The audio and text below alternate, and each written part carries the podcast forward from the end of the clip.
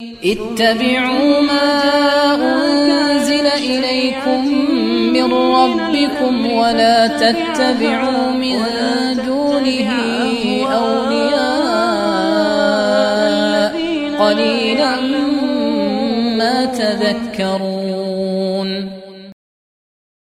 Tapi perlu diingat ya bahwa budak itu itu bukan penafsiran seenaknya saja. Budak itu bukan bahasa Indonesia. Ya, apalagi bahasa Malaysia ya.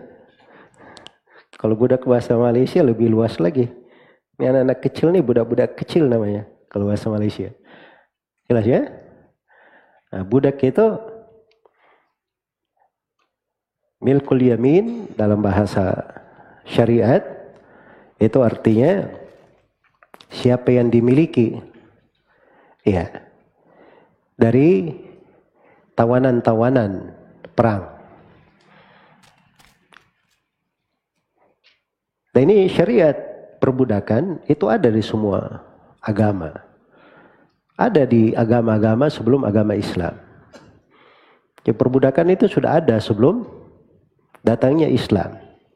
Ada di agama Yahudi, ada di agama Nasara, ada di agama Islam.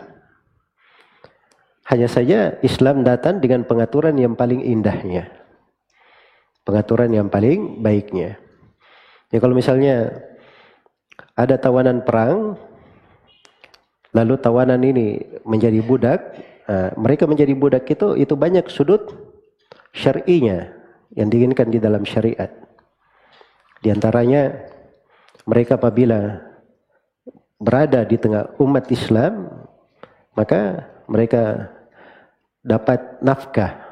Sebab kepemilikan itu mewajibkan ada nafkah. Ya, siapa yang memiliki budak, dia wajib memberi makan budaknya. Wajib untuk menafkahinya. Jelas ya? Karena itu nafkah itu ada tiga sebabnya kalau di dalam kewajiban memberi nafkah. Ada karena hubungan nasab, ada karena hubungan pernikahan, dan ada karena kepemilikan. Nah, ini masalah budak. Diberi bab khusus di dalam syariat. Karena budak itu bukan untuk dizalimi di dalam syariat. Tapi ada maksud-maksud besar di dalam pensyariatan. Karena mereka yang tidak terikat dengan aturan Islam di atas kekufuran, itu bila dibiarkan berbuat kerusakan di atas muka bumi dengan kekafiran, dengan perbuatan-perbuatan yang mengarah kepada kerusakan berupa perzinahan, meminum khamar dan sebagainya. Nah, begitu mereka hidup di tengah kaum muslimin, maka dia di bawah pengawasan dari tuannya. Kemudian dia akan melihat akhlaknya dari umat Islam. Nah, selain daripada itu, dianjurkan untuk membebaskan budak. Dan itu dari ketaatan yang sangat besar. Ketaatan yang sangat apa? Sangat besar. Bahkan dijadikan pembebasan budak itu sebagai pahala seperti dia dibebaskan dari api neraka. Di pembahasan kafarah, kalau misalnya ada kafarah dihar misalnya, ya maka salah satunya adalah membebaskan budak. Atau misalnya ada kafarah melanggar di bulan Ramadan berpuasa salah satunya adalah membebaskan membebaskan budak. Itu dijadikan sebagai lahan ketaatan besar di dalam agama. Dan diberi pahala orang yang mendidik budaknya dengan baik sampai dia berislam, bagus akhlaknya, kemudian dia bebaskan. Iya. Apalagi setelah dia bebaskan dia nikahi kalau itu perempuan. Jelas ya? Maka dia dapat dua pahala. Dapat dua pahala. Nah, itu keindahan syariat di dalam hal ini. Jadi perbudakan itu ketentuan berjalan di tengah manusia ada di syariat semua agama. Iya. Mau tidak mau dia akan berlanjut sampai hari kiamat. Berlanjut hingga hari kiamat.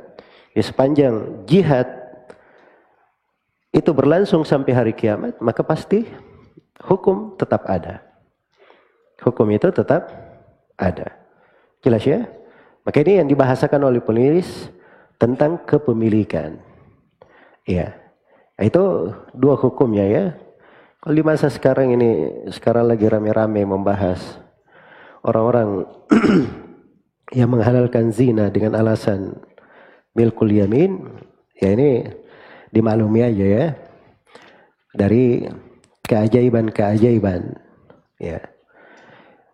Kaum munafikin dan orang-orang apa namanya zindik orang-orang kafir yang ingin merusak di tengah umat Islam ya biasa begitu. Memelintir ayat-ayat. Menghalalkan apa yang diharamkan oleh Allah subhanahu wa ta'ala. Dan tidak mengerti hakikat. Ya dari tuntunan syariat